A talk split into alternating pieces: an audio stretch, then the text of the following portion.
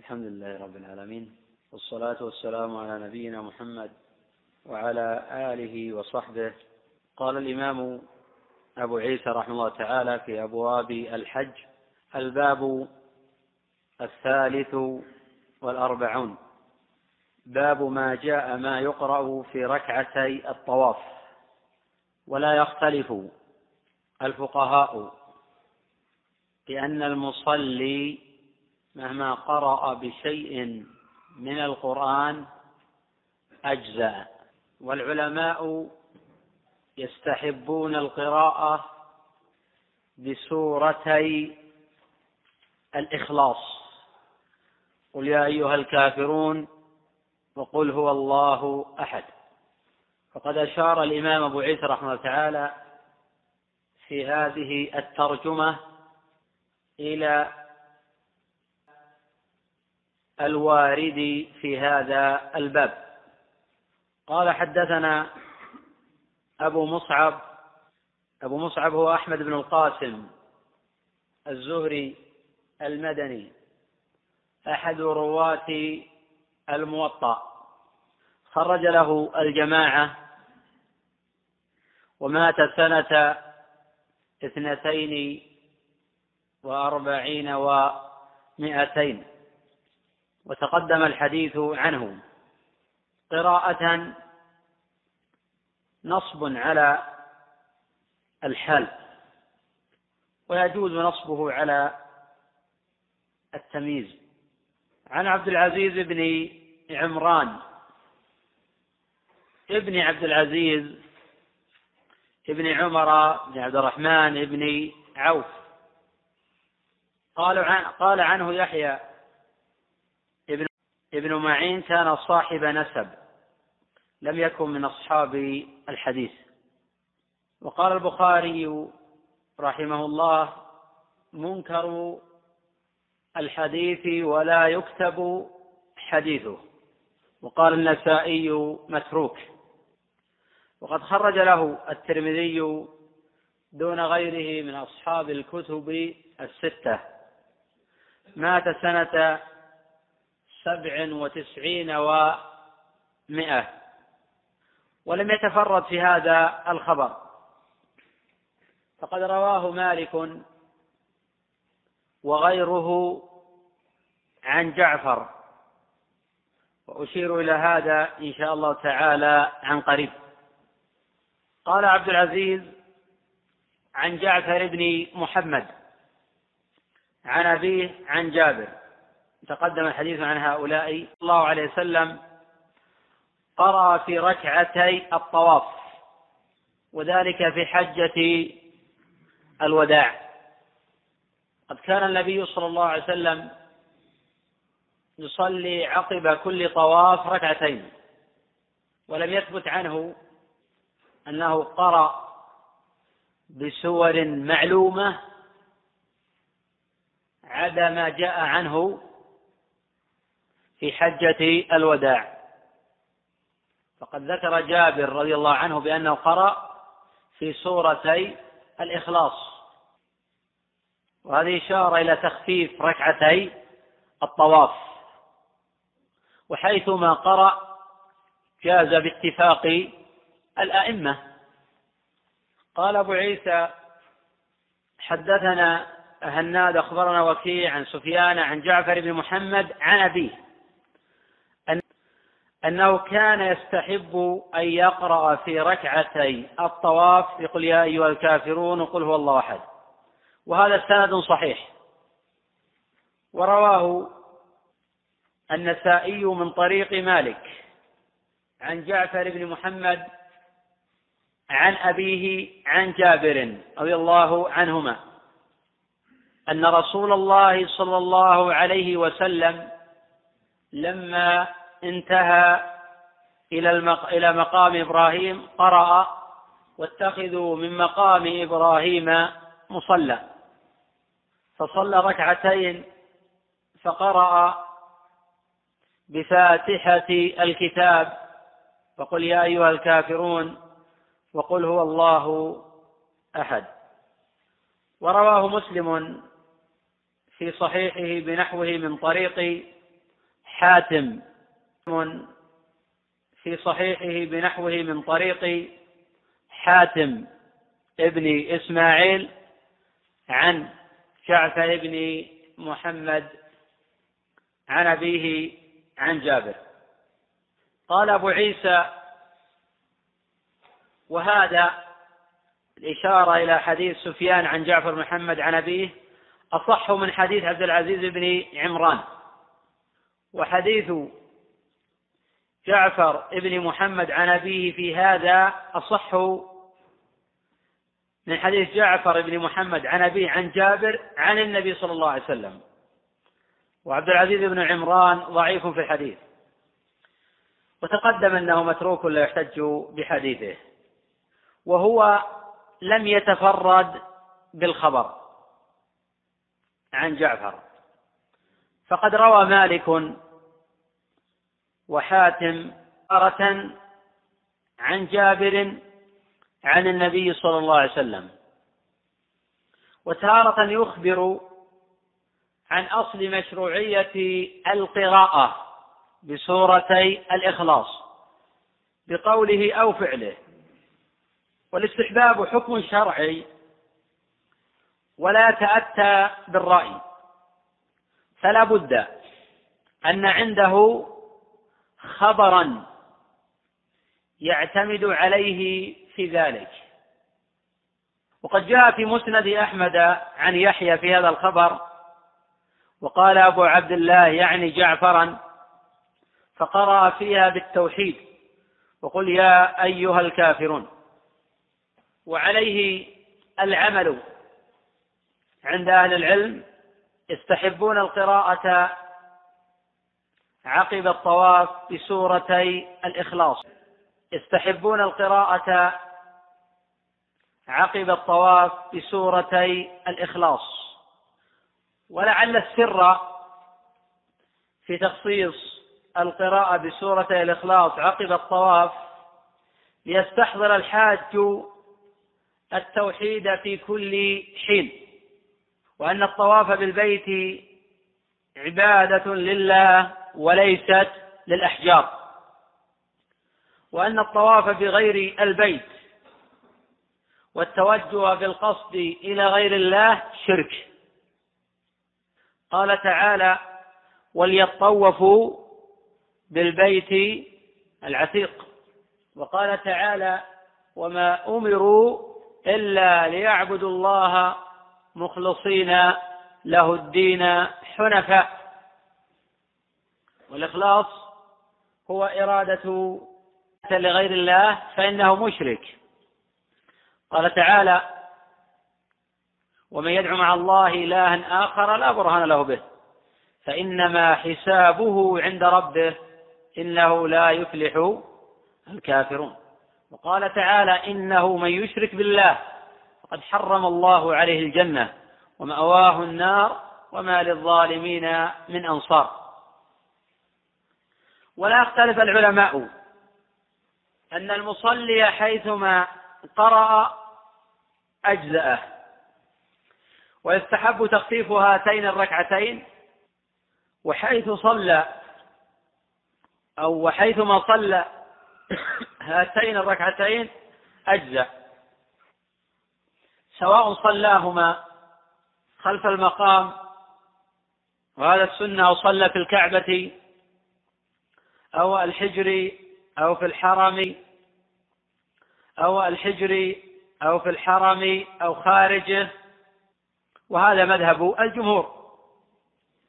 وقد صلى عمر رضي الله عنه بذي طوى. رواه البخاري معلقا. ووصله مالك. وسنده صحيح. ولا يختلف في ذلك طواف الواجب عن طواف النفل. وقد قال البغوي رحمه تعالى في شرح السنة وسئل سفيان الثوري رحمه الله عن الرجل يطوف بالبيت أسبوعا أيصلي أربع ركعات؟ قال سفيان نعم وإن شئت فعشرا إشارة إلى لا حرج من الزيادة على أكثر من ركعتين.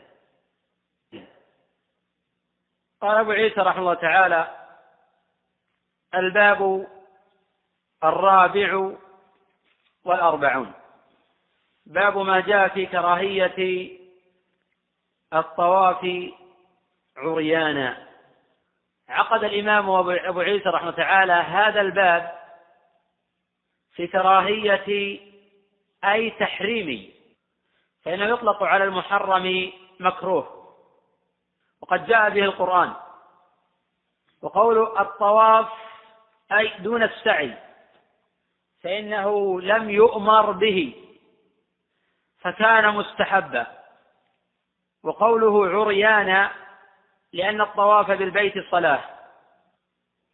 وقد قال الله تعالى يا بني آدم خذوا زينتكم عند كل مسجد. وقد جاء في صحيح مسلم بيان فتقول من يعيرني تطوافا تجعله على فرجها. فنزلت هذه الآية رواه الإمام مسلم رحمه الله تعالى في صحيحه. والمطلوب في ستر العورة في الطواف هو المطلوب في الصلاة حتى ستر أحد المنكبين في قول طائفة من العلماء. وأكثر العلماء والأئمة يرون ستر العورة في الطواف شرطا لصحته.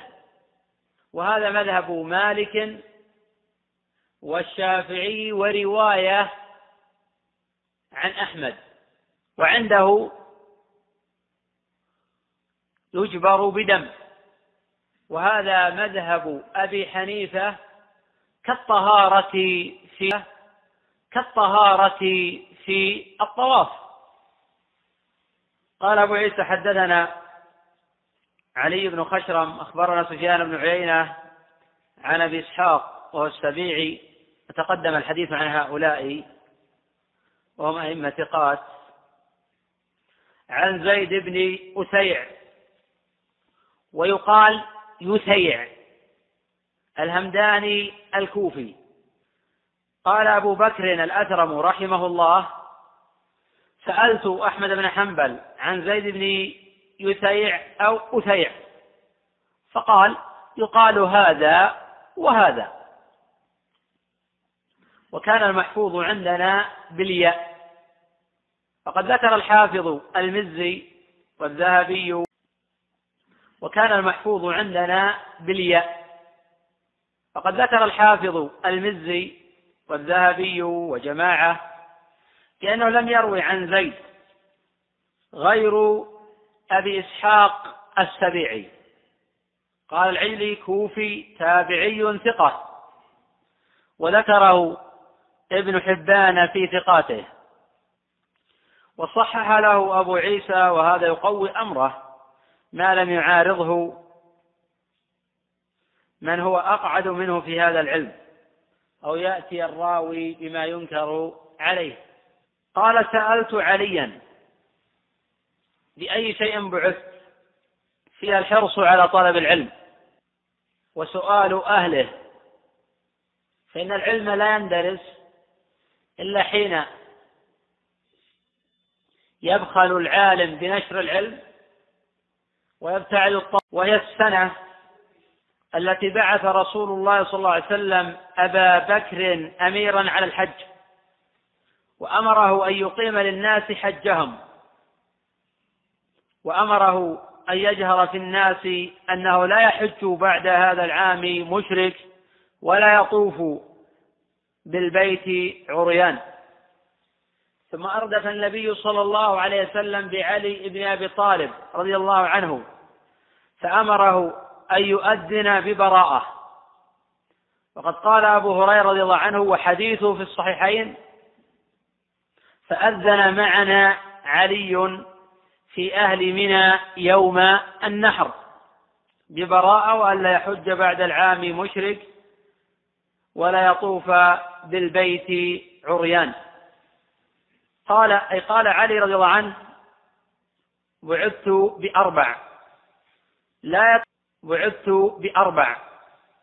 لا يدخل الجنة إلا نفس مسلمة. فإن الجنة طيبة ولا يدخلها إلا الطيب. قد حرم الله على الكفار الجنة فقال تعالى إنه من يشرك بالله فقد حرم الله عليه الجنة. وهذا لا يختلف فيه العلماء. فإن الجنة تختص بأهل الإسلام. قال الله جل وعلا ومن يبتغي غير الإسلام دينا فلن يقبل منه وهو في الآخرة من الخاسرين.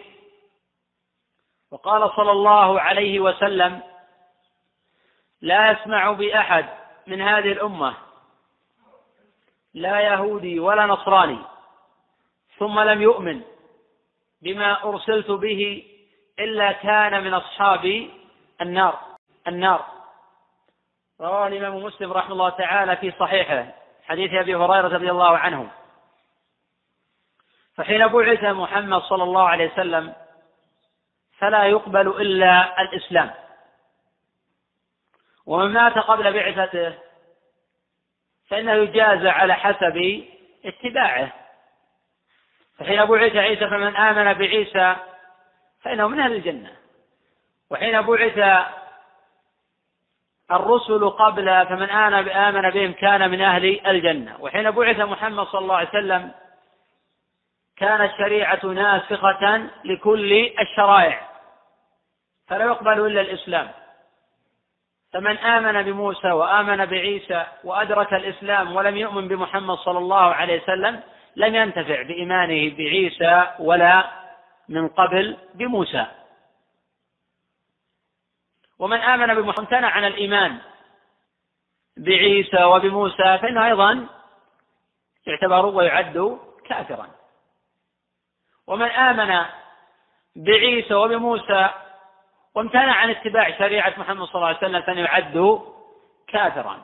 إذا لا بد أن يؤمن بمحمد صلى الله عليه وسلم ويتبع شرعه. وفي نفس الوقت يؤمن بالأنبياء والرسل من قبل دون اتباعهم. فإن الاتباع يكون لمحمد صلى الله عليه وسلم. والأدلة في هذا متواترة وهذا محل إجماع من العلماء. ولا يختلف العلماء. حكاه أبو الحسن الأشعري وغيره من العلماء بين من أدرك محمدا صلى الله عليه وسلم بين من أدرك محمدا صلى الله عليه وسلم ولم يؤمن به من يهودي أو نصراني أو مشرك فإنه كافر.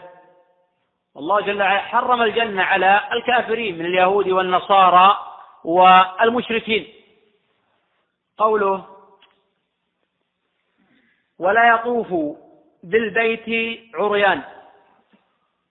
وهذا المقصود من الخبر لترجمة الباب. وقد جاء في الصحيحين من حديث أبي هريرة رضي الله عنه أن النبي صلى الله عليه وسلم قال لا يحج بعد العام مشرك ولا يطوف بالبيت عريان. فقد أخذ من هذا الإمام مالك والشافعي وأحمد في رواية.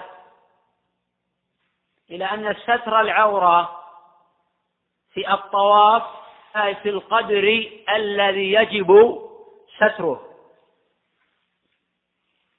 وأكثر العلماء يرون تحديد هذا من السرة إلى الركبة. وأوجب الإمام أحمد وجماعة من العلماء ستر أحد المنكبين. إذا رؤي من يطوف وقد كشف منكبيه فإنه يبادر بالتعليم.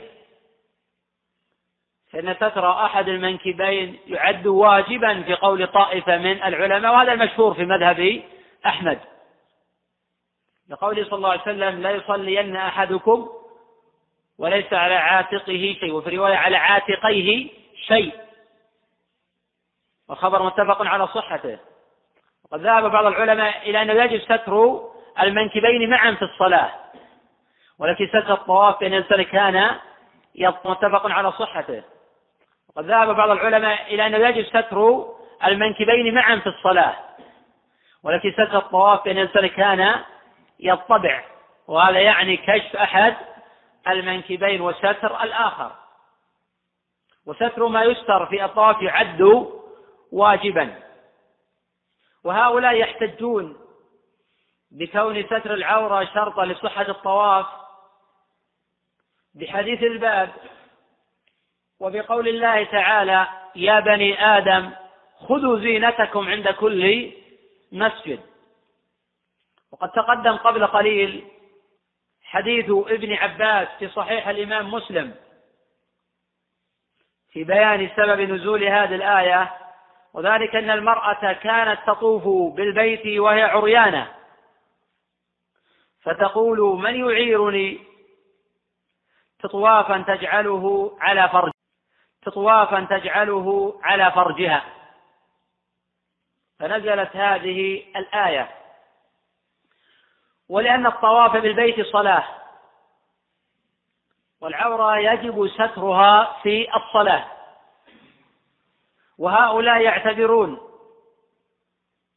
انكشاف العورة في الطواف مبطلا للطواف. فلا يصح الطواف إلا بستر العورة وهذا معنى كونه شرطا. وخالف في ذلك الإمام أبو حنيفة رحمه الله تعالى وأحمد في رواية.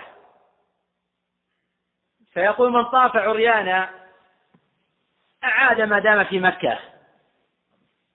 فإن لم يعد أو خرج من مكة فإن ذلك يجبر بدم. على اعتبار أن ستر العورة واجب واختلفوا بعد ذلك. فمنهم من قال بأنه شرط وهذا قول الجمهور. ومنهم من قال بأنه واجب يجبر بدم. وبعض الفقهاء يعبر بأن السنة يجبر بدم. ويعنى بالسنة في بعض المذاهب الوجوب. فبعض الفقهاء يقول السنة لا يجوز تركها. وهذا موجود بكثرة في مذهب أبي حنيفة رحمه الله. يوجد هذا أيضا في مذهب مالك. قوله ولا يجتمع المسلمون والمشركون بعد عامهم هذا. وقد جاء في الصحيحين في حديث أبي هريرة والا يحج بعد العام مشرك. قال تعالى إنما المشركون نجس فلا يقربوا المسجد الحرام بعد الحرام بعد عامهم هذا. ومثل ذلك اليهود والنصارى فيمنعون من الحج ومن العمرة. ولا يمكنون من دخول الحرم. فقد أمر النبي صلى الله عليه وسلم بطردهم من جزيرة العرب. وهذا متواتر عن النبي صلى الله عليه وسلم. وقد اختلف العلماء رحمه تعالى في تحديد جزيرة العرب. وهم لا يختلفوا بأن مكة من جزيرة العرب. ويؤخذ من هذا أهمية الولاء والبراء في واقع المسلمين. ويؤخذ من هذا عداوة اليهود والنصارى والمشركين. لذلك نهى الله جل وعلا عن موالاتهم وعن محبتهم وعن الركون عن محبتهم وعن الركون إليهم. فقال تعالى ولا تركنوا إلى الذين ظلموا فتمسكم النار. وقال تعالى لا تجد قوما يؤمنون بالله واليوم الآخر يوادون من حاد الله ورسوله. وقال تعالى يا أيها الذين آمنوا لا تتخذوا عدوي وعدوكم أولياء. وقال تعالى يا أيها الذين آمنوا لا تتخذوا اليهود والنصارى أولياء بعضهم أولياء بعض. ومن يتولهم منكم فإنه منهم. إن الله لا يهدي القوم الظالمين. قوله ومن كان بينه ومن كان بينه وبين النبي صلى الله عليه وسلم عهد فعهده إلى مدته. وهذا بشروط. الأول أن يكون عهده مؤقتا. الشرط الثاني ألا ينقض المعاهد عهده. الشرط الثالث ألا يظاهر على المسلمين أحدا. قال الله تعالى إلا الذين عاهدتم من المشركين ثم لم ينقصوكم شيئا ولم يظاهروا عليكم أحدا فأتموا إليهم عهدهم إلى مدتهم. إن الله يحب المتقين. وجاء عن ابن عباس رضي الله عنهما أنه قال الأربعة أشهر أجل من كان له عهد بقدرها أو يزيد عليها. وروى الإمام أحمد رحمه الله تعالى في مسنده من طريق الشعبي عن محرر بن أبي هريرة عن أبيه أبي هريرة. قال كنت مع علي بن أبي طالب رضي الله عنه حين بعثه رسول الله صلى الله عليه وسلم إلى أهل مكة ببراءة. وفيه ومن كان بينه. وبين رسول الله صلى الله عليه وسلم عهد. فإن أجله أو أمده إلى أربعة أشهر.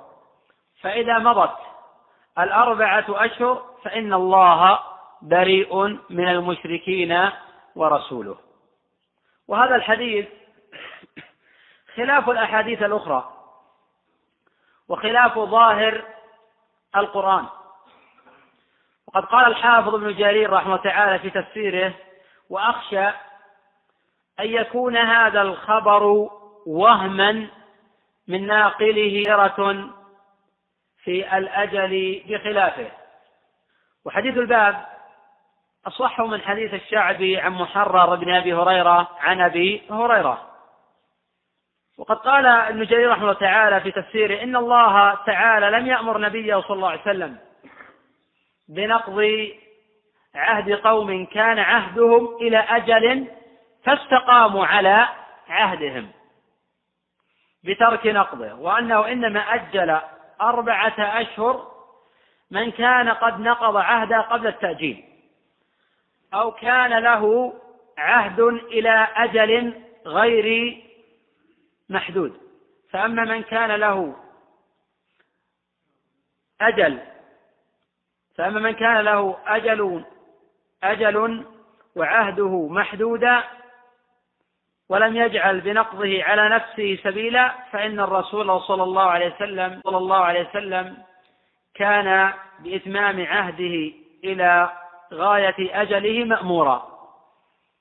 وبذلك بعث مناديه ينادي به في أهل الموسم من العرب. وقال الحافظ ابن كثير رحمه الله تعالى وهذا أحسن الأقوال وأقواها. وقوله ومن لا مدة له فأربعة أشهر.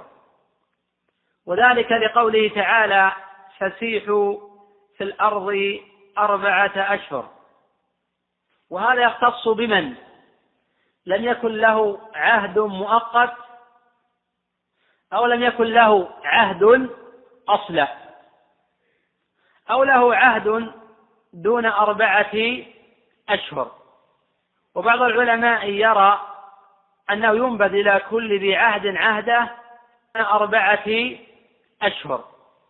وبعض العلماء يرى أنه ينبذ إلى كل ذي عهد عهده ويؤجل أربعة أشهر. وأما من لا عهد له فأجله انقضاء الأشهر الحرم.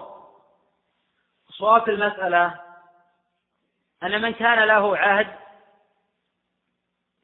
فيوفى له إلى غاية أجله بشرط أن يكون العهد مؤقتا.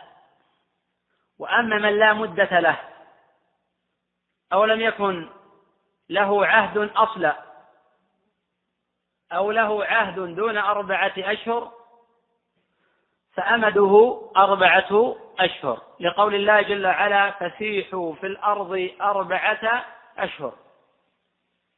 غير متفق عليه. وفيه أي وفي الباب عن ابن عباس بنحو حديث الباب. رواه الترمذي وقال حسن غريب. قال أبو عيسى حديث علي حديث حسن. وجاء في بعض النسخ حسن صحيح. وقد كرر الإمام أبو عيسى هذا الخبر في كتاب التفسير. وقال عنه وهذا حديث حسن صحيح. وهو حديث سفيان بن عيينة عن أبي إسحاق عن زيد. ورواه سفيان الثوري عن أبي إسحاق عن بعض أصحابه عن علي. والصواب حديث ابن عيينة. وقد رواه معمر عند البزار وزكريا ابن أبي الزائدة عند الطبري وزهير ابن معاوية عند البيهقي كلهم عن أبي إسحاق عن زيد. قال الدار قطني رحمه الله تعالى وهذا هو المحفوظ. قال أبو عيسى حديث أو قال أبو عيسى عفوا قال أبو عيسى حدثنا ابن أبي عمر ونصر بن علي قال أخبرنا سفيان بن عيينة عن أبي إسحاق نحوه وقال زيد بن يسيع وهذا أصح. قال أبو عيسى وشعبة وهم فيه فقال زيد بن أسيد. وقد قال الإمام يحيى بن معين رحمه الله تعالى ليس أحد يقول يقول أسيل إلا شعبة وحده. وقد قال الإمام أحمد رحمه الله تعالى ما أكثر ما أكثر ما يخطئ شعبة في أسامي الرجال. وقال العجلي رحمه الله تعالى كان شعبة يخطئ في أسماء الرجال قليلا. وقال الإمام أبو داود رحمه الله تعالى شعبة يخطئ فيما لا يضره ولا يعاب عليه يعني في الأسماء. نقف على الباب الخامس والأربعين. باب ما جاء في دخول مكة. ونأخذ الآن أسئلة الإخوة. في خلاف قوي بين العلماء. الأخ يسأل عن حدود جزيرة العرب. في خلاف مشهور بين الفقهاء رحمه الله تعالى. فمن العلماء من حدد جزيرة العرب بمكة والمدينة على اعتبار أن عمر رضي الله عنه حين أجلى اليهود من المدينة أجلاهم إلى تيمة وإلى اليمن. وهذا من جزيرة العرب باتفاق الأئمة بالحدود الجغرافية. فكان هذا دليلا على أن المقصود في جزيرة العرب المعنى الشرعي. وكلام الصحابة يفسر الأحاديث الواردة عن النبي صلى الله عليه وسلم في معنى إخراجهم من جزيرة العرب. لأنه لم ينكر أحد على عمر حين أجلاهم إلى تيمة. وتيمة داخل الخليج العربي والبحر الأحمر ومثل ذلك اليمن وغيرها. وقال بعض الأئمة بأن جزيرة العرب العرب مكة والمدينة ونجد. على خلاف بين الأئمة في تحديد نجد. فقيل اليمامة وما حولها إلى سميرة. وما وراء سميرة فإنه يعد من الشام ولا يعد من جزيرة أو لا يعد من آه، نجد. وهذا الذي مال إليه الحافظ ابن حجر وغيره من العلماء. وقال بعض الأئمة المقصود بجزيرة العرب مكة والمدينة ونجد وما كان داخل الخليج العربي والبحر الأحمر. لأن النبي صلى الله عليه وسلم أتى باللفظ العام وأمر بطرد اليهود والنصارى من العرب لأن هذه البلاد بلاد مسلمين. فلا يصلح بقاؤهم بقاؤهم في هذه البلاد لأنه يشكل خطرا وأما كون عمر رضي الله عنه أجلاهم إلى تيمة ولم يجلهم إلى ما وراء البحر الأحمر والخليج العربي لأن هذا هو كان المقدور. فإن عمر لم يقل رضي الله عنه وتيمة ليست من جزيرة العرب وإنما أراد أن يجليهم عن مكة وعن المدينة وما كان قريبا من ذلك تعظيما للحرم ولأن هذا هو المقدور. والذين لا يرون هذا الرأي ينازعون في هذا الرأي. ويقولون عمر رضي الله عنه كان في ذاك الوقت في وقت قوة ووقت علم يقدر على غزو اليهود والنصارى في بلادهم وأخذ آه، ممتلكاتهم أو أطرهم على دفع الجزية. فليس بعاجز عن أن يقصي هذه الثلة إلى ما وراء الخليج العربي أو البحر آه، الأحمر. عموما المسألة خلافية وهذا ملخص لكلام الأئمة رحمه الله تعالى في جزيرة آه، العرب وفيه من أراد يتوسع في هذا ففي فتح في في كلام جيد في فتح الباري وفي كلام جيد للإمام ابن القيم رحمه الله تعالى في أحكام أهل الذمة. والعلماء يتحدثون عن هذه المسألة على قوله صلى الله عليه وسلم أخرج اليهود والنصارى من جزيرة العرب وأخرجوا المشركين ويقررون هذه المسألة في وضوح. نعم. لا شريعة محمد ناسخة لكل الشرائع. محمد ناسخة لكل الشرائع. حين جاء شرعنا ليس لأحد يعتني بالتوراة ويعتني بالإنجيل بقصد اتباعها والنظر فيها لأن هذه محرفة. والله جل وعلا لم يتكفل لهم بحفظ التوراة ولا الإنجيل بخلاف القرآن. فإن الله جل وعلا تكفل بحفظه. نعم. نعم. ماذا؟ ثبت في الأدلة القطعية ولا يختلف فيها المسلمون فإن شرع محمد آه، صلى الله عليه وسلم ناسخ لكل الشرائع. أما شرع عيسى فلم يكن ناسخا لشرع موسى من كل وجه. كان مجددا لأشياء وناسخا لأشياء.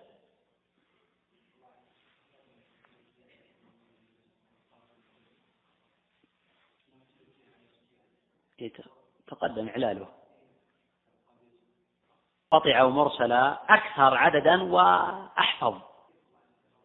لكن وكيع أوثق الناس في سفيان من هو؟ وكيع.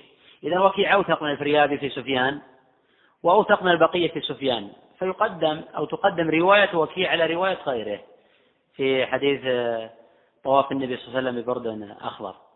فهذا تقدمت الإشارة إليه وليس معنى أنه أن هؤلاء ما رواه عن سفيان إلا آه، فلان أو الآخر. المقصود أنه رواه جمع عن سفيان. منهم من رواه عن سفيان عن عبد منهم من رواه عن سفيان آه، في رواية عن ابن جريج عن ابن يعلى. والذين يروونه عن سفيان مرسلا وهم وكيع وابن كثير أوثق من الذين يرونه موصولا فوجب الترجيح. هؤلاء يرونه موصولا وهؤلاء يرونه مرسلا فكان ترجيح للإرسال آه، أقوى. وليس لعلة آه، أقوى. وليس لعلة التدليس في هذا الباب. علة الذي يرمونه مرسلا أقوى. فإذا قلنا أن ابن جريج مشهور بالتدليس هذا إذا رجحنا وصله فحينئذ نغتفر عن عنة ابن جريج. وتقدم مرارا أن عنعة المدلس غير مؤثرة غير مؤثرة. وابن جريج رحمة الله من الأئمة الكبار الذين تغتفر عن عنتهم. ما لم يتبين تدليسه والتدليس شيء والعنعنة شيء آخر. فجرى الإعلال باعتبار أن ابن جريج الصواب أنه رواه عن ابن يعلى ولم يروه بالواسطة. لأن ذكر الواسطة خطأ باعتبار أن أوثق من رواه عن سفيان هو وكيع. ووكيع رواه مرسلا. لما يسمى عند المتأخرين بالمنقطع أسئلة الإخوان. هذه السائلة من الكويت تقول الصلاة بالحرم فيها أجر عظيم ولكن أيام الحج لا نستطيع الصلاة فيه فنصلي بالبيت. فهل نحصل على أجر كمن يصلي بالبيت؟ فهل نحصل على أجر كمن يصلي بالحرم؟ هذا محل خلاف بين العلماء رحمة تعالى في الحديث الوارد عن النبي صلى الله عليه وسلم في فضل الصلاة بالحرم هل يختص بذلك بالمسجد؟ كما هو آه، قول للشافعي رحمه الله تعالى. أم أن الأجر يختص بالمسجد وبكل ما يسمى حرما؟ قال الجمهور بأن الأجر يختص بالمسجد وبكل ما يسمى حرما. وأما ما خرج عن مسمى الحرم فلا تحصل فيه المضاعفة. وإلى هذا ذهب أكثر الأئمة رحمهم الله تعالى. لأن الله جل وعلا حين قال لتدخلن المسجد الحرام إن شاء الله آمنين. كان المعنى بهذا دخول الحرم كله وليس خاصا بمجرد موضع آه، الصلاة. وقال الله جل وعلا ذلك لمن لم يكن أهله. وما قرب منه مما يسمى حرما مما تناقله الخلف عن السلف. الدليل الثالث قوله جل وعلا إنما المشركون نجس فلا يقربوا المسجد الحرام بعد عام هذا. ليس المعنى لا يقربون مجرد آه، موضع الصلاة. إنما المعنى لا يقتربون من الحرم كله. الدليل الرابع قوله جل وعلا هديا بالغ الكعبة. هديا بالغ الكعبة. معلوم الإنسان يذبح هدية في جوار البيت. يذبحه المقصود أن المعنى يذبح في الحرم هديا بالغ الكعبة. هذه أربعة أدلة تفيد أنه إذا أطلق المسجد الحرم يشمل الحرم كله. فإذا قوله صلى الله عليه وسلم في حديث عبد الله بن عمر العمري عن نافع عن ابن عمر في الصحيحين قال صلى الله عليه وسلم صلاة في مسجدي هذا عن ألف صلاة فيما سواه إلا المسجد الحرام فالمقصود بالمسجد الحرام آه، موضع الصلاة وما قرب منه من هذا عن ألف صلاة فيما سواه إلا المسجد الحرام. فالمقصود بالمسجد الحرام آه، موضع الصلاة وما قرب منه مما يسمى حرما. فالمضاعفة في المضاعفة في المسجد الحرام آه، هي عامة في المسجد وفي غيره من بقع آه، الحرم. وهذا أصح قولي العلماء رحمهم الله تعالى. أما الروايات الواردة في المضاعفة مقصود مسجد الكعبة وكذلك تشد الرحال إلا إلى ثلاث مساجد. لا تشد الرحال إلا إلى ثلاث مساجد مسجد هذا والمسجد الحرام والمسجد الأقصى في رواية مسجد الكعبة فذكر الخاص بحكم العام لا يقيد في قول جمهور الأصوليين. فهذا ذكر ذكر الخاص. ذكر الخاص بحكم العام لا يقيده في قول جمهور الأصوليين. كقوله صلى الله عليه وسلم جعلت لي الأرض مسجدا طهورا جاء في حديث علي وغيره وجعلت تربتها لنا طهورا. فليس هذا قيدا للأرض. لأن ذكر الخاص بحكم العام لا يقيده في هذا السائل يقول ما تقولون في من اعتمر في رمضان؟ ثم جلس إلى الحج وأراد أن يحج معتمرا. هل يأتي بعمرة للحج؟ أشهر الحج شوال وذو القعدة وعشر من ذي الحجة. فمن أخذ عمرة برمضان وبقي في مكة حتى أتى وقت الحج فإنه يحج مفردا ولا يحج متمتعا لأن العمرة وقعت في غير أشهر الحج. وأما لو وقعت العمرة في أشهر الحج فإنه يحرم من مكانه ويكون متمتعا. فإذا أراد هذا أن يأخذ عمرة فلا حرج أن يأتي بعمرة من أبناء الحل ثم يحل منها. فإذا جاء وقت الحج من شهر ذي الحجة فإنه يهل بالحج وتقدم مرارا أنه لا حرج لو أهل بالحج في اليوم آه، التاسع. هذا السؤال يقول من أراد أن يذهب للحج في اليوم الثامن فأي الأنساك أفضل له؟ ومن لم يستطع على الهدي أو على الهدي فماذا يعمل؟ ولا يستطيع الصوم في الحج. لا حرج له أن يهل بالإفراد. لا حرج له أن يهل بالإفراد. وذلك بأن يقول لبيك حجا. وحينئذ يطوف بالبيت طواف القدوم ويسعى سعي الحج ويظل محرما. ولا يحل إلا يوم النحر حين يرمي جمرة العقبة. ثم يحلق رأسه. فيكون قد تحلل التحلل الأول وبقي عليه الطواف ليتحلق رأسه. فيكون قد تحلل التحلل الأول وبقي عليه الطواف ليتحلل التحلل الثاني. ولا حرج حين يؤخر طواف الإفاضة مع طواف الوداع ويسقط عنه طواف الوداع. وليس عليه سعي كالقارن باعتبار أنه أتى بالسعي مع طواف القدوم.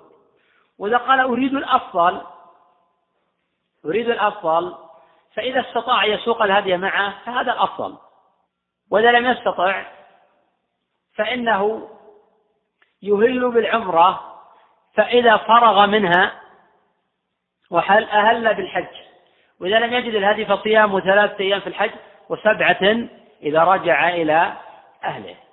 فإذا عجز عن الثلاثة في الحج فإنه يصوم عشرة أيام إذا رجع إلى أهله. وإذا كان يعلم من نفسه أنه لا يطيق الصوم فلا حرج يهل. فإنه يهل بالإفراد ما لم يكن قد ساق الهدي ولا يهل بالتمتع لأن الوقت ضيق للتمتع. والصواب أنه لا حرج يهل بالتمتع لأن الوقت لا يزال واسعا. أما إذا تضايق على الوقت تضايق عليه الوقت كي يأتي في اليوم التاسع وتضايق على الوقت فإنه يهل بالإفراد ولا يهل بالتمتع إلا إذا كان قد ساق الهدي. فلا حرج أن يهل بالقران. يقول هل استلام الركن اليماني سنة للرجال والنساء؟ أم أنه يختص بالرجال سنية الاستلام لا تختص بالرجال فإن النساء شقائق الرجال. ولم يأتي عن النبي صلى الله عليه وسلم نص في تخصيص الرجال دون النساء. تشترك المرأة في هذا الفضل مع الرجل. فإذا استطاعت أن تستلم الركن اليماني وأن تستلم الحجر الأسود وقبله فهذا أزكى عند الله وأبر. وإذا ما استطاعت فلا تزاحم ولا تؤذي أحدا. وأمر المرأة أكبر أو يتغير عن وضع الرجل. فإن الرجل حين يوجد عنده زحام فإنه يبقى بأنه رجل أما المرأة عورة. ولذلك أمر النبي أم سلمة أن تطوف من وراء الرجال. فالمرأة على قدر الطاقة تحاول أن تبتعد عن زحمة الرجال ولم لم يحصل لها استلام للركن اليمين أو تقبيل الحجر الأسود ويكتب لها إن شاء الله أجر ذلك. لأنه وجد في نيتها أن تستلم وأن تقبل. فلم تجد إلى ذلك سبيلا أو تجد سبيلا ولكن مع مزاحمة الرجال والاحتكاك بهم وهذا ممنوع منه لأن المرأة عورة وحينئذ قد ترتكب محرمة لتؤدي سنة وهذا محرمة لتؤدي سنة وهذا غير مطلوب من المرأة. وكذلك بعض الرجال يريد يؤدي هذه السنة ولكن ارتكب بعض المحرمات من أذية الرجال وأذية الضعفاء ومزاحمة النساء ونحو ذلك. فمن فقه هذه المسألة أن الإنسان قد يترك السنة لئلا يرتكب محرما وقد تكون نية المؤمن في هذا الباب أبلغ من عمله. نجيب على بعض الأسئلة إن شاء الله بعد الدرس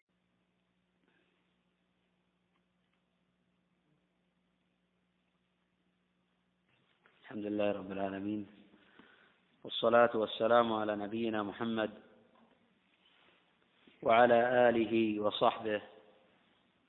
قال الإمام أبو عيسى الترمذي رحمه الله تعالى في أبواب أبواب الحج. الباب الخامس والأربعون.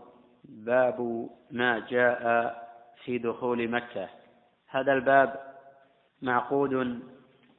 باب ما جاء في دخول الكعبة. هذا الباب معقود لبيان حكم دخول الكعبة. وقد قال بعض العلماء بأنه مستحب وأنه من المناسك. وقال أكثر الآئمة بأنه ليس من المناسك. ولم يثبت أن النبي صلى الله عليه وسلم دخل البيت في حجته ولم ينقل عنه ذلك من وجه صحيح. وقد جاء في الصحيحين عن ابن عمر أن النبي صلى الله عليه وسلم دخل البيت وأخبره بلال بأنه صلى أي ركعتين. وهذا كان عام الفتح. وقد جاء مصرحا به في بعض روايات الحديث.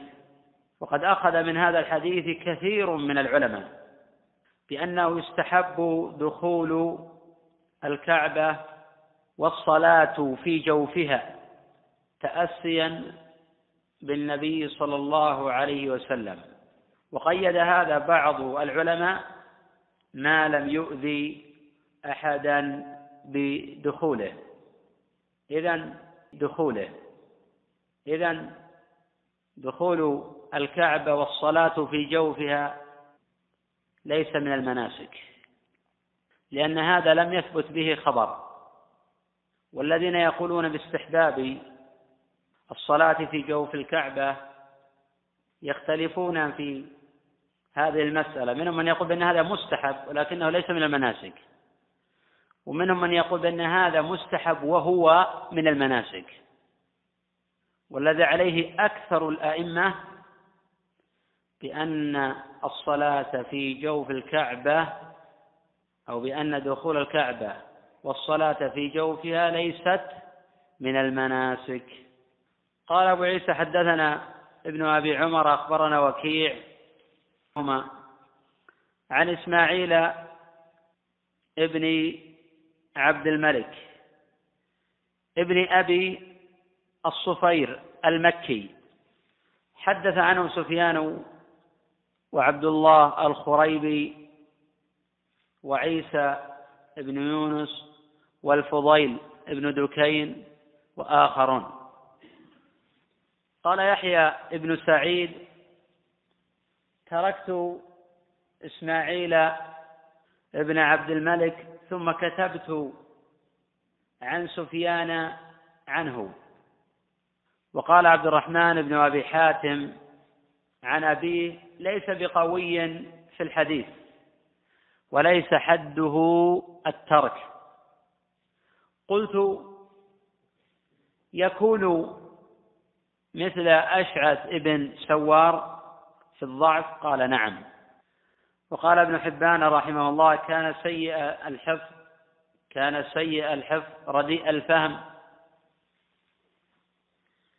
يقلب ما يروي. وقد ضعفه ابن مهدي وأبو داود والعقيلي وقال محمد بن مثنى كان عبد الرحمن يحدث عنه ثم أمسك فما حدث عنه. وقد خرج له أبو داود والترمذي وابن ماجه. قال إسماعيل عن ابن أبي مليكة عن عائشة قالت خرج النبي صلى الله عليه وسلم من عندي وقرير العين. كناية عن السرور والفرح. قرير العين طيب النفس. فرجع إلي وهو حزين. وهو حزين. والحزن ضد السرور والفرح. فقلت له أي استفسرت منه. فقد خرج بوجه ورجع بوجه آخر. فقال أي مبينا السبب في هذا. إني دخلت الكعبة. لم يأتي في رواية تحديد وقت الدخول. فقد قال بعض العلماء بأن هذا في حجة الوداع وهذا في نظر. وقال بعض العلماء بأن هذا يوم الفتح وهذا غلط. لأن عائشة لم تكن معه يوم الفتح. وقال آخرون بأن النبي صلى الله عليه وسلم حدث عائشة بهذا في المدينة. وددت أني لم أكن فعلت. إني أخاف أن أكون أتعبت أمتي من بعدي. فيه معنى قول الله جل وعلا لقد جاءكم رسول من أنفسكم عزيز عليه ما عنتم حريص عليكم بالمؤمنين رؤوف رحيم.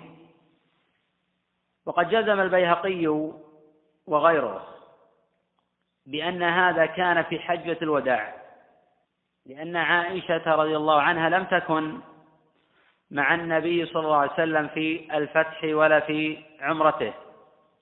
ولأن النبي صلى الله عليه وسلم لم يدخل البيت في عمرته.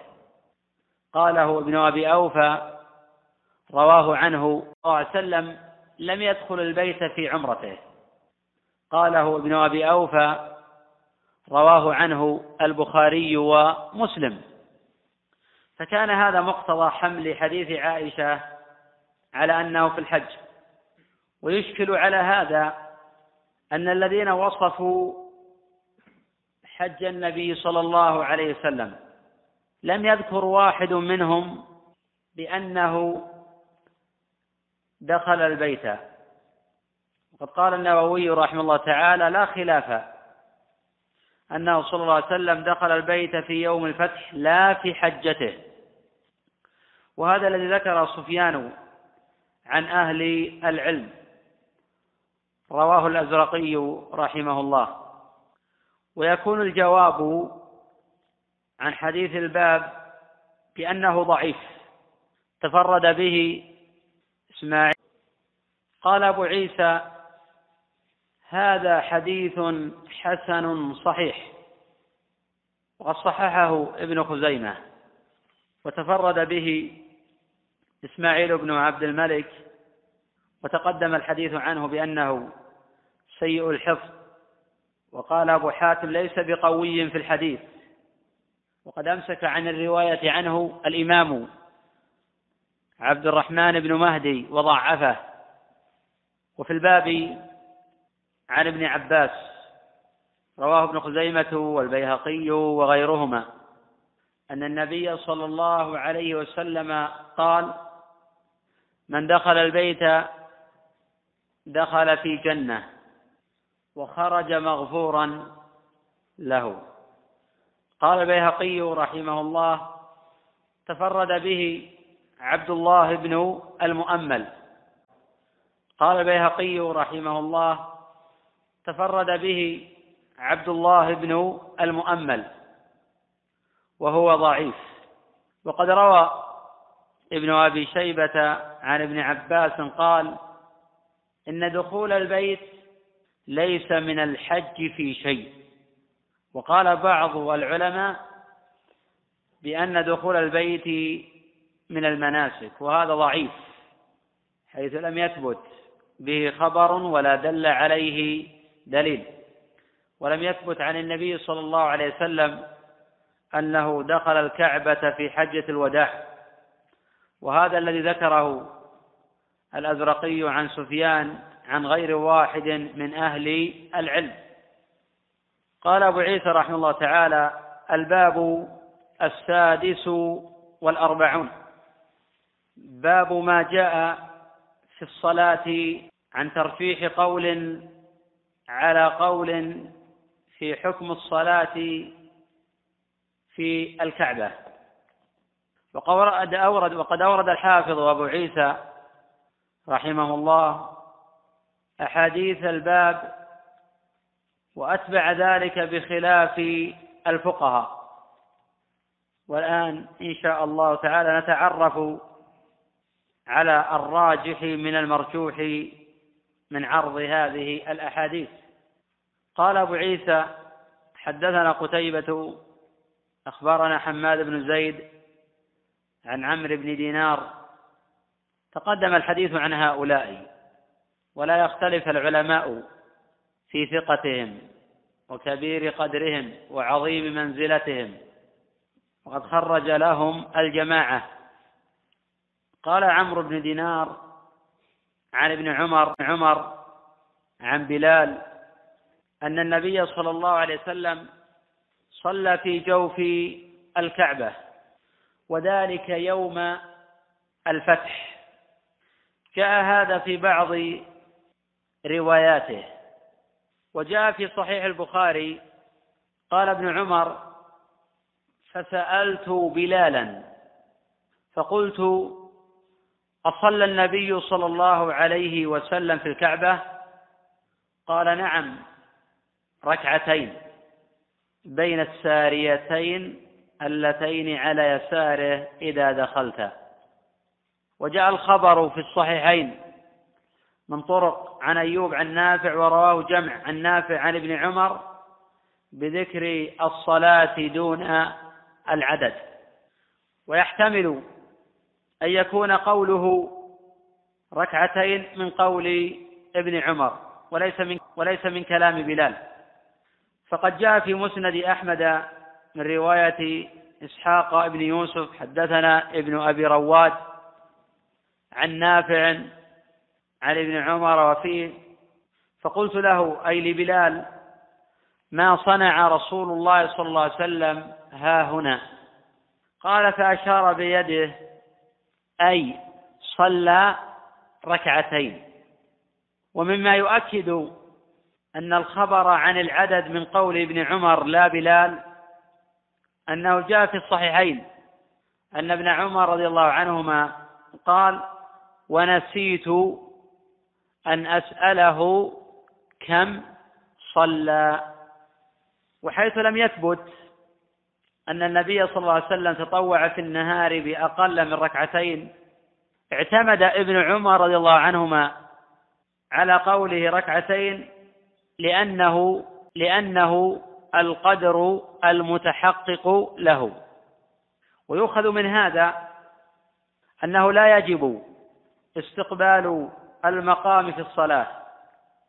لأن النبي صلى الله عليه وسلم صلى في الكعبة وهو غير مستقبل له وقد حكى غير واحد من العلماء الإجماع على جواز الصلاة إلى جميع جهات الكعبة. وهذا دليل على عدم وجوب التوجه إلى المقام. قوله قال ابن عباس لم يصلي ولكنه كبر. تقدم أن هذا كان يوم الفتح. وكان ابن عباس رضي الله عنهما في ذاك الحين صغيرا. ولم يكن مع النبي صلى الله عليه وسلم. وقد جاء في صحيح أسامة. وظاهر هذا الخبر يعارض حديث ابن عمر عن بلال.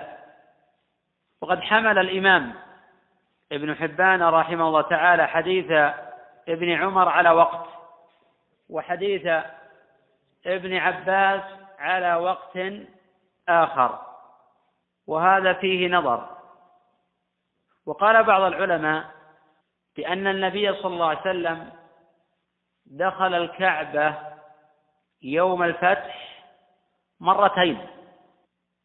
فالقول الأول القول بالتعدد بمعنى أنه دخل يوم الفتح ودخل في حجته فالذي أثبت وهو بلال بمعنى أنه دخل يوم الفتح والذي نفى بمعنى أنه نفى في الحج.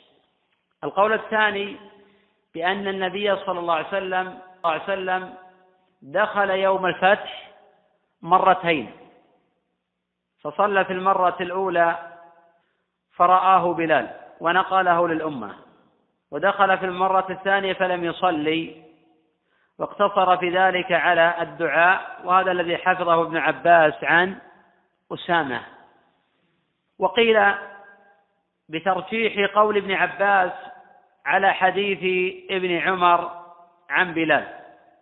لأن ابن عباس رضي الله عنهما أثبت التكبير ونفى الصلاة بخلاف بلال. أثبت الصلاة ولم ينفي التكبير. وهذا قول ضعيف.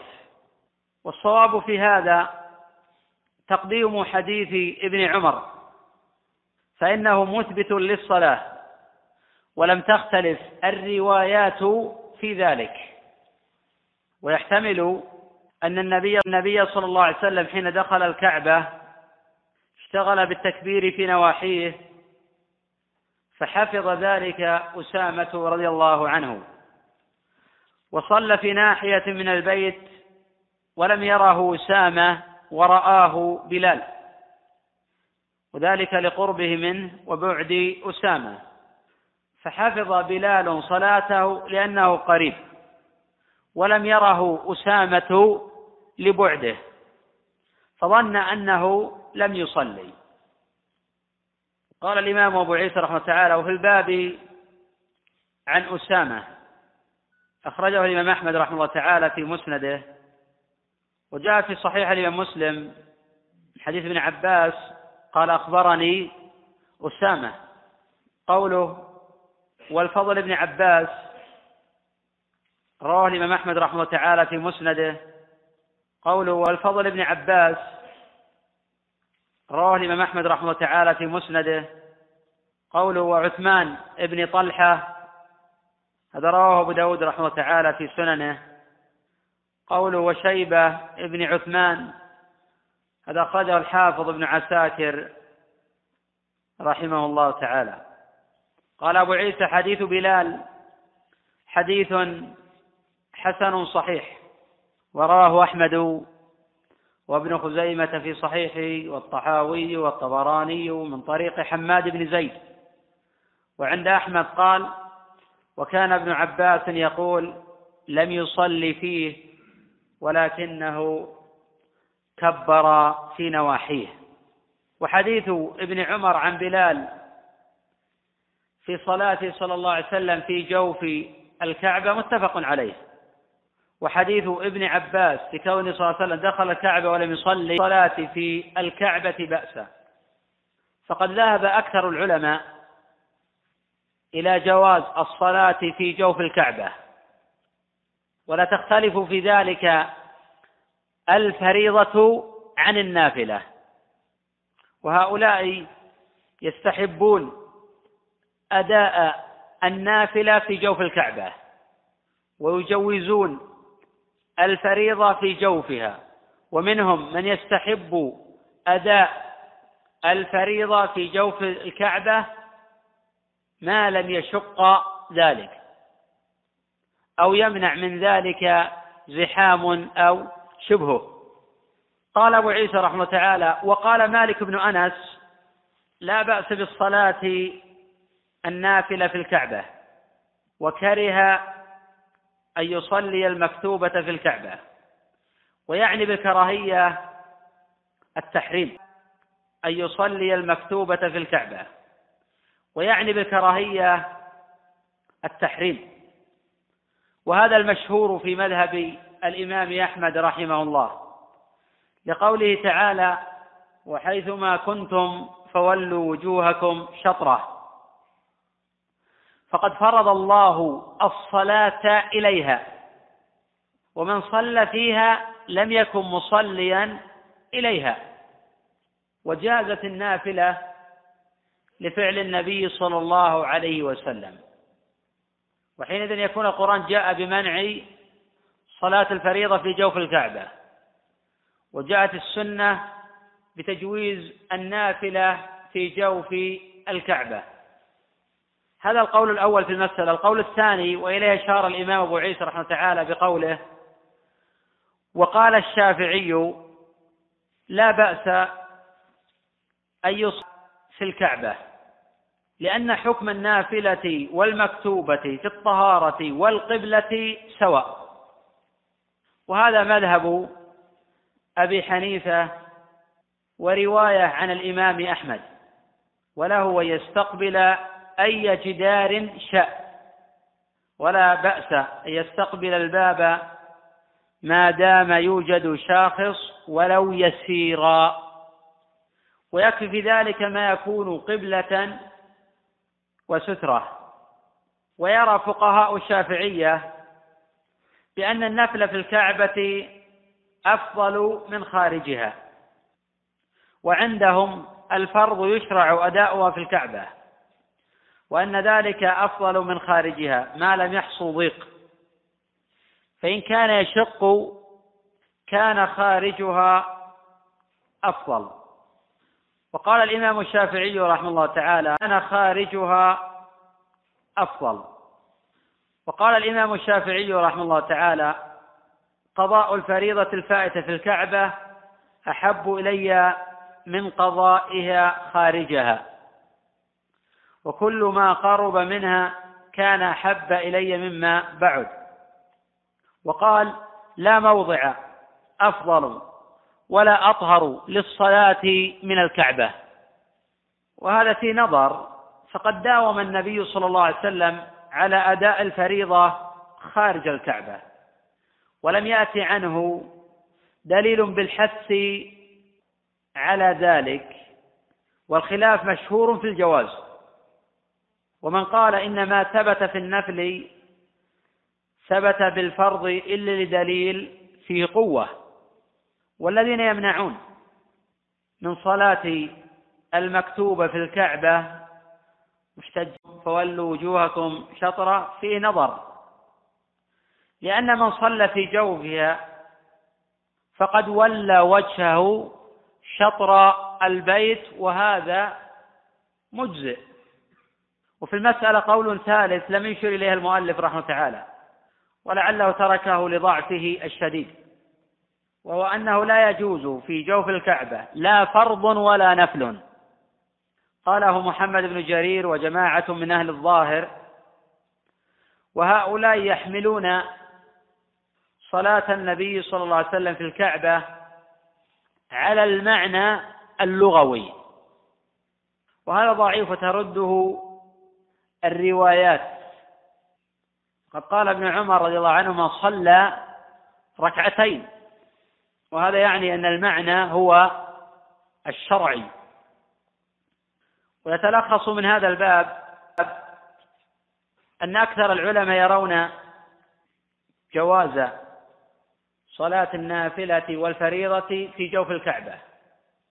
ويرى الإمام الشافعي رحمه الله بأن ذلك أفضل. ما لم يمنع من ذلك مانع.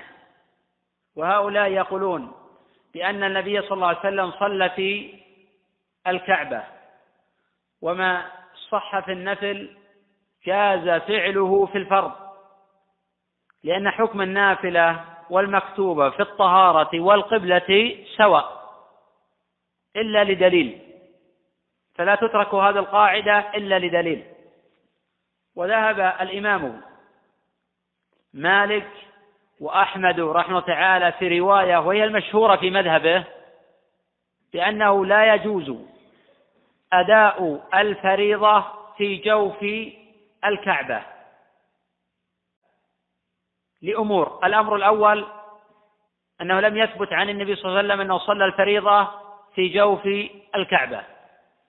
الأمر الثاني أن هذا لم يثبت عن صحابي وهذا يفسر فعل النبي صلى الله عليه وسلم. الأمر الثالث أن الله جل وعلا يقول وحيثما كنتم فولوا وجوهكم شطرة. فقد فرض الله الصلاة إليها ومن صلى فيها لم يكن مصليا إليها. ويجاب عن هذا بأمور. الأمر الأول كونه صلى الله عليه وسلم لم يصلي في جوف الكعبة لا يعني هذا بأنه حرام. لأن النبي صلى الله عليه وسلم لم يصلي في جوف الكعبة خشية أن يشق على أمته ويحتمل أن يظنهم جميعا.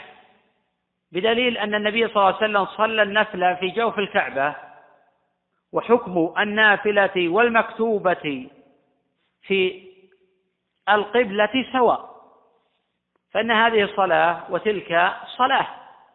فلا يصح أن يقال هذه قبلة للنافلة وهذه قبلة للفريضة إلا لدليل. ولم يثبت في ذلك دليل يعتمد عليه. وحين ذكر الإمام النووي رحمه تعالى الخلاف في هذه المسألة في المجموع وقال لا يتأتى الاحتياط في هذه المسألة والخروج من الخلاف فيمنع من أداء الفريضة في جوف الكعبة وتجوز النافلة الحديث. قال لا لأن هذا الخلاف ضعيف ولأن الاحتياط في الخلاف القوي المعتمد ثم ذكر أن هذا الخلاف ساقط. والصواب أنه لا والصواب أنه لا يعبر بأنه ضعيف الحقيقة أن الخلاف في أداء الفريضة قوي. ولكن يقال هذا راجح وذاك مرجوح. وأما الآية وحيثما كنتم فولوا وجوهكم شطرة فيقال إن من صلى في جوفها فقد ولى وجهه شطر البيت واستقبال جزء من الكعبة مجزي في سقوط الفرض. نقف على الباب السابع والأربعين باب ما جاء في كسر الكعبة والله أعلم. نعم. يأتي إن شاء الله الحديث عن الحجر وأنه من الكعبة. من صلى في الحجر فكأنما صلى في الكعبة. فالصلاة في الحجر آه، تجوز ويجوز أداء الفريضة والنافلة في الحجر. وإذا الإنسان يبتعد عن أداء الفريضة في الحجر فله ذلك باعتبار أن مسألة خلافية والخلاف في ذلك مشهور ومحفوظ. بعض العلماء يجوز بعض العلماء يمنع وتقدم الحديث عن ذلك. أما النافلة فواضح جدا من نص الحديث عليه وسلم فعل ذلك. أما الفريضة فلم يثبت أنه فعل ولكن يقولون ما جاز في النافلة صح فعله في آه، الفريضة لأن حكم النافلة والفريضة في الطهارة والقبلة سواء فلا يجوز التفريق إلا لدليل. هنا اختلف العلماء. منهم يقول الدليل هو الترك. كون النبي ترك هذا هو الدليل. ومنهم يقول بأن هذا لا يصلح آه، دليلا لأن ترك الصلاة يحتمل أنه ترك خشية يشق على الأمة ويحتمل لأن الكعبة لا يمكن أن تحتضن الأعداد الغفيرة. لا حرج من ذلك لأنه استقبل جزءا من الكعبة. لأنه استقبل جزءا من الكعبة. إذا صلى في الحجر فأي لأي جهة صلى أجزاء الكعبة. إذا صلى في الحجر فأي لأي جهة صلى أجزاء. إذا دخل الكعبة وصلى إلى أي جهة أجزاء نعم جاء في بعض الروايات أن النبي صلى الله عليه وسلم لما قرأ في ركعة الطواف قرأ قل هو الله أحد قل يا أيها الكافرون بعض قل يا أيها الكافرون قل هو الله أحد يقرأ على حسب ترتيب السور في القرآن. هو الشيء الذي يوقع الناس في لبس أو يوقعهم في مساءلة أو يسبب فتنة الإنسان يتجنبه. النبي صلى الله عليه وسلم لم يفتح للكعبة بابا ثانيا العلة في ذلك يقول لولا أنك قومك حديث عهد بكفر لفتحت للكعبة فهو ترك هذا مخافة إثارة الناس. فالإنسان يعمل ويحدث الناس بما يعرفون. ويختلف الطرح ويختلف الطرح عند العامة عن الطرح عند العلماء. ويختلف العمل عند العلماء عن العمل عند العامة. في هذا يؤدي آه، الصلاة في الحجر. وأراد أن يجعل الكعبة خلف ظهره ويستقبل الحجر. الصلاة صحيحة بلا شك لأنه استقبل جزءا من الكعبة لكن الناس لا يفهمون هذا أو لأن أكثر الناس لا يفهمون هذا ويتصورون أنه قد أهان الكعبة ويأتي شخص يعتقد أن صلاته باطلة فربما دفعه وربما رفسه وربما تكلم عليه فيتسبب في إيقاع الناس في الإثم. فالإنسان إذا أراد يصلي في الحجر يتجنب هذا ويستقبل بنيان الكعبة ويجعل الحجر آه، خلف ظهره مراعاة لوضع الناس وسيما أن هذا أداء للعبادة وهذا على وجه المطلوب توجه لهذه الجهة أو لهذه الجهة. أما قوله يعني يريد أن يبين للناس أنه يجوز فيختلف من شخص لأن الناس يقتدون فيه لا يعرفه آه، أحد. فإذا صلى أو ما صلى فإن الناس لا يقتدون فيه ولا يعرفون وضعه ولا حاله. هذا السائل يقول ألا يقال بأن صلاة النبي صلى الله عليه وسلم في جوف الكعبة من خصوصياته؟ فيقوي هذا التعليل من قال بالمنع. القول بالخصوصية في نظر لأن الأصل في ذلك التشريع ولا يصار إلى الخصوصية إلا بدليل. قال الله جل وعلا لقد كان لكم في رسول الله أسوة حسنة. فإذا قال النبي صلى الله عليه وسلم أو فعل النبي صلى الله عليه وسلم أو أقر فالأصل في ذلك فعل النبي صلى الله عليه وسلم أو أقر فالأصل في ذلك التشريع. ولا يجوز المصير إلى الخصوصية إلا إذا تعذر الجمع بين الأدلة أو دلت قرينة على أن هذا خاص بالنبي صلى الله عليه وسلم من فعله أو قوله أو أجمعت الأمة على ذلك. فالنبي صلى الله عليه وسلم يختص بالزواج بأكثر من أربع النبي صلى الله عليه وسلم يختص بأنه إذا صلى جالسا لا ينقص أجره عن القائم. والخبر في صحيح الإمام مسلم حديث عبد الله بن عمرو بن العاص. هذه مسائل جاءت الأدلة بأن النبي صلى الله عليه وسلم يختص بها. فحين صلى النبي صلى الله عليه وسلم في جوف الكعبة لم يقل النبي صلى الله عليه وسلم هذه لي وليست لكم. وهذا الذي فهمه جمع غفير في الكعبة. ولم يكن الواحد منهم يحتج على الآخر بأن هذا خاص بالنبي صلى الله عليه وسلم. وابن عباس رضي الله عنهما حين قال لم يصلي لا يريد بهذا أن الصلاة لا تجوز في جوف الكعبة. هو يخبر عن واقع الحال. وحكي عنه بأنه لا يجوز صلاة النافل ولا الفرض في جوف الكعبة ولكن هذا لم يثبت من وجه آه، صحيح. إنما جاء عنه في الصحيحين بأن النبي صلى لم يصلي على ما حدثه أسامة. فكونه ينفي في الواقع أنه صلى أو ما يثبت أنه صلى أو ينفي أنه لم يصلي كما نفاه ابن عباس لا يعني ذلك أنه لا تجوز الصلاة في ذلك أو أن الصلاة لا تشرع. ولم يكن ابن عباس يحتج على الآخرين بأنه خاص بالنبي صلى الله عليه وسلم. كان يحتج على الآخرين بأنه ما رأى النبي صلى الله عليه وسلم بأنه يصلي. إذا فالأصل في ذلك التشريع. فلا يصار إلى الخصوصية إلا آه، إلى الخصوصية إلا آه، بدليل. هذا الأخ يقول رجل ذهب مع امرأته إلى العمرة. فلما وصل إلى المدينة حاضت زوجته وجلس فيها يومين ثم بعد ذلك ذهب إلى جدة ولم يحرم من الميقات. فلما طالت المدة قلت المؤنة وأحرم من التنعيم هو وزوجته وطاف عنها وطاف عن نفسه وعنها أربعة عشر شوطا وسعي وسعيا جميعا. ثم رجع إلى بلده واعتمر بعد سنة عمرة أخرى هو وزوجته.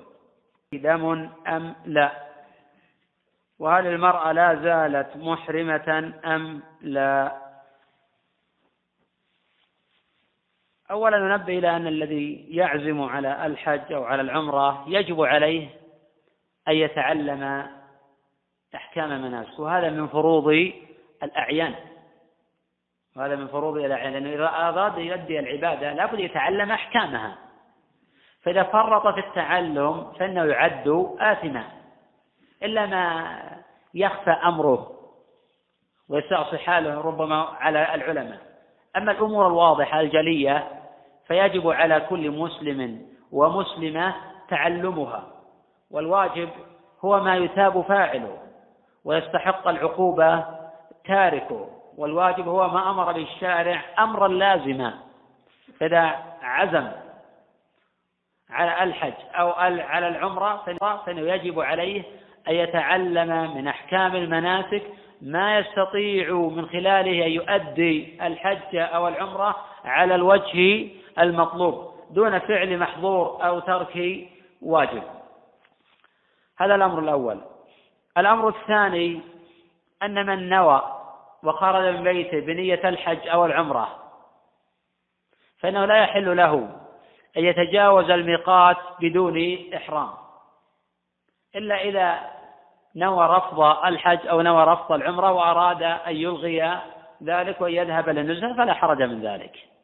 وأما إذا وصل الميقات ثم تجاوز الميقات بنية الحج وبنية العمرة فيجب عليه أن يرجع ليحرم من الميقات. ففي الصحيحين من حديث ابن عباس قال صلى الله عليه وسلم هن لهن ولمن أتى عليهن من غير أهلهن ممن يريد الحج أو العمرة. متفق عليه. ومراتب متفق عليه. ومراتب المرور بالميقات ما يلي. المرتبة الأولى من مر بالميقات ولا ينوي لا حجا ولا عمرة فلا حرج أن يتجاوز المواقيت بدون إحرام. ومن قال بأن من خصوصيات مكة لا يدخلها إلا بإحرام فقوله ضعيف لأنه لم يثبت في ذلك دليل. ومن قال بأن خصوصيات مكة هذا غلط لأن الخصوصية لا تثبت إلا على آه، وجه أو على وفق دليل صحيح. الأمر الثاني من مر بالميقات لا ينوي إلا الحج أو العمرة فيجب عليه يحرم من الميقات ولا يجوز المرور به دون إحرام. الأمر الثالث أن ينوي السفر إلى جدة أو إلى مكان داخل المواقيت. ومن نيته أنه إذا انتهى عمله أخذ العمرة فهذا لا حرج عليه أن يتجاوز الميقات بدون إحرام لأن تبعا ولم تكن هي منشأ القصد والسفر.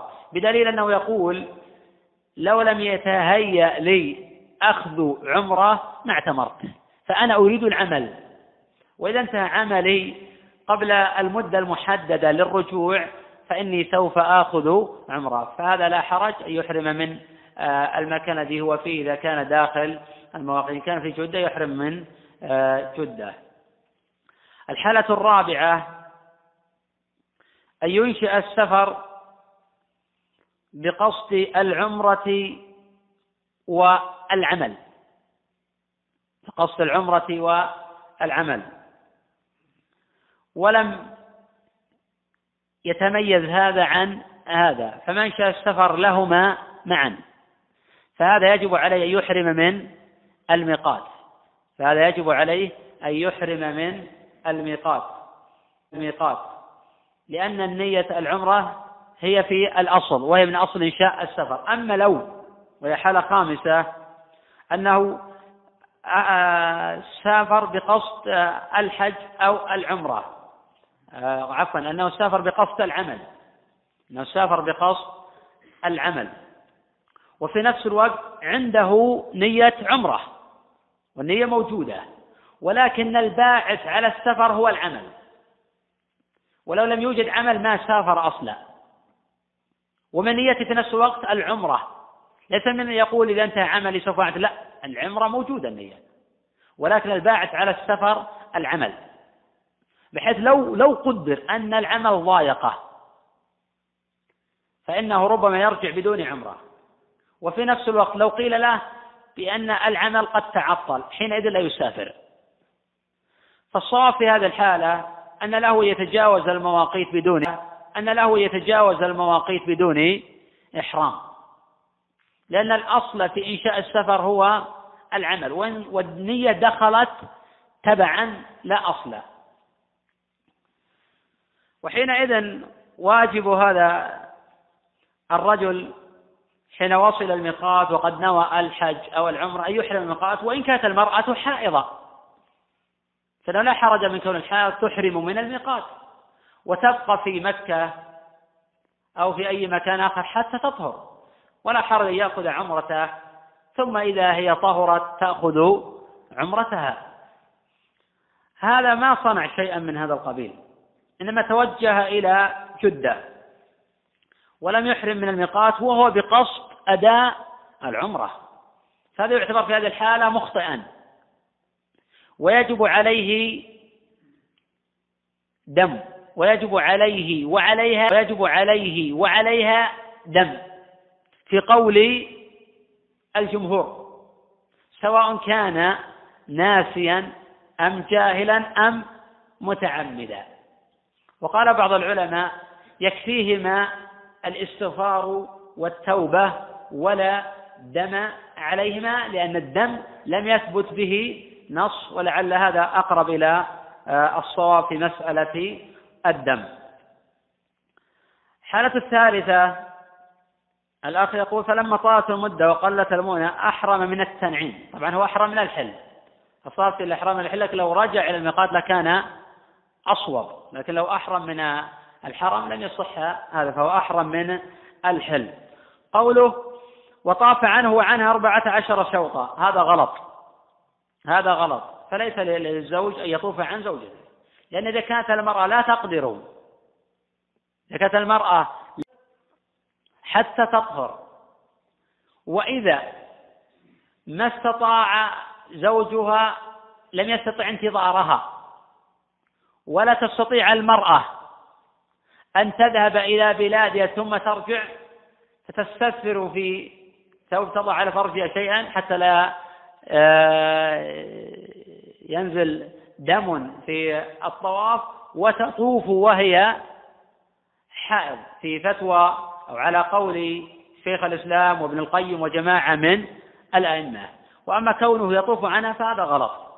وإذا كانت المرأة لا تستطاهر إذا كانت المرأة طاهرا ولا تستطيع الطواف إذا كانت المرأة طاهرا ولا تستطيع الطواف يعني لا تستطيع أن تمشي فلها أن تركب وليس له أن يطوف عنها.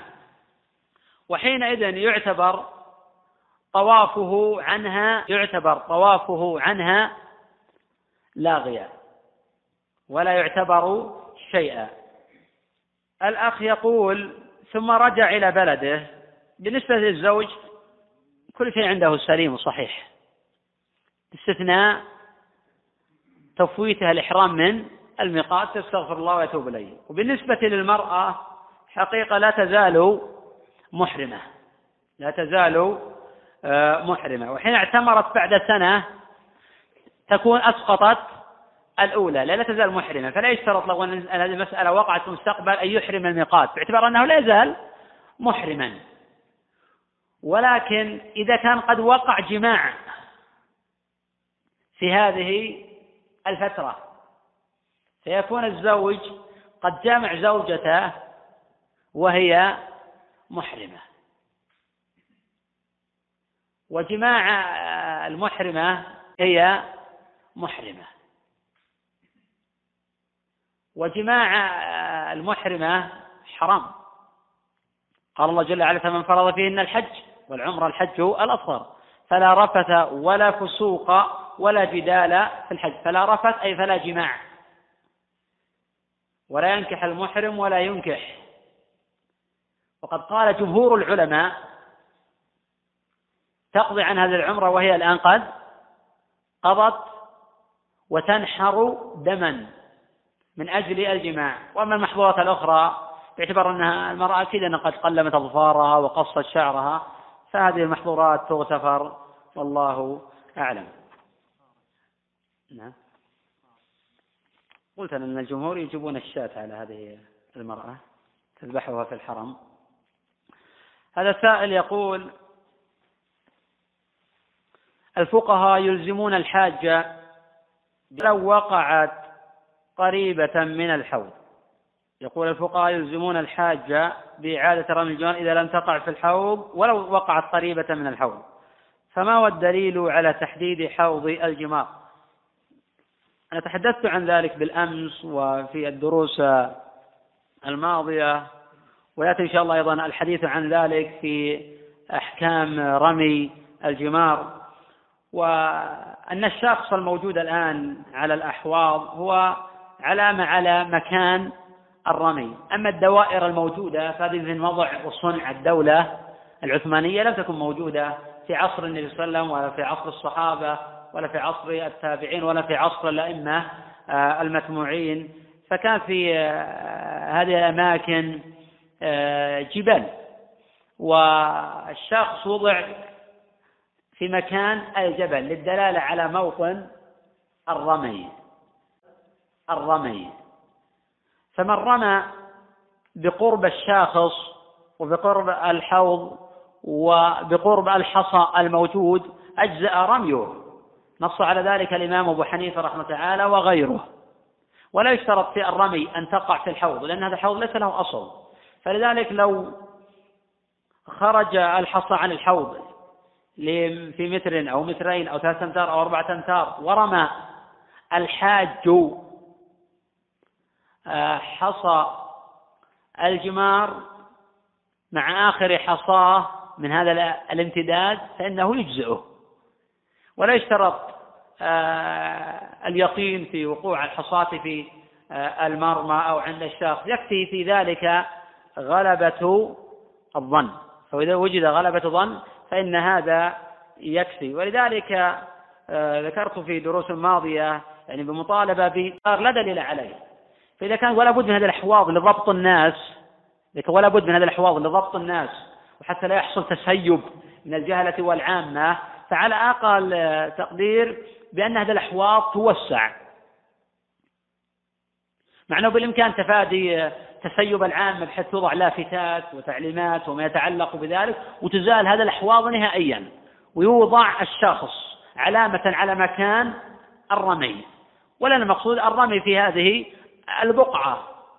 فمن رمى بالقرب منها أجزأه آه، هذا. فحينئذ على وجود الأحواض الآن وأنها لم آه، آه، تزل فحينئذ من رمى بالحوض أو بقريب من الحوض أو بأماكن الحصى ومكان المرمى فإن هذا يجزئه.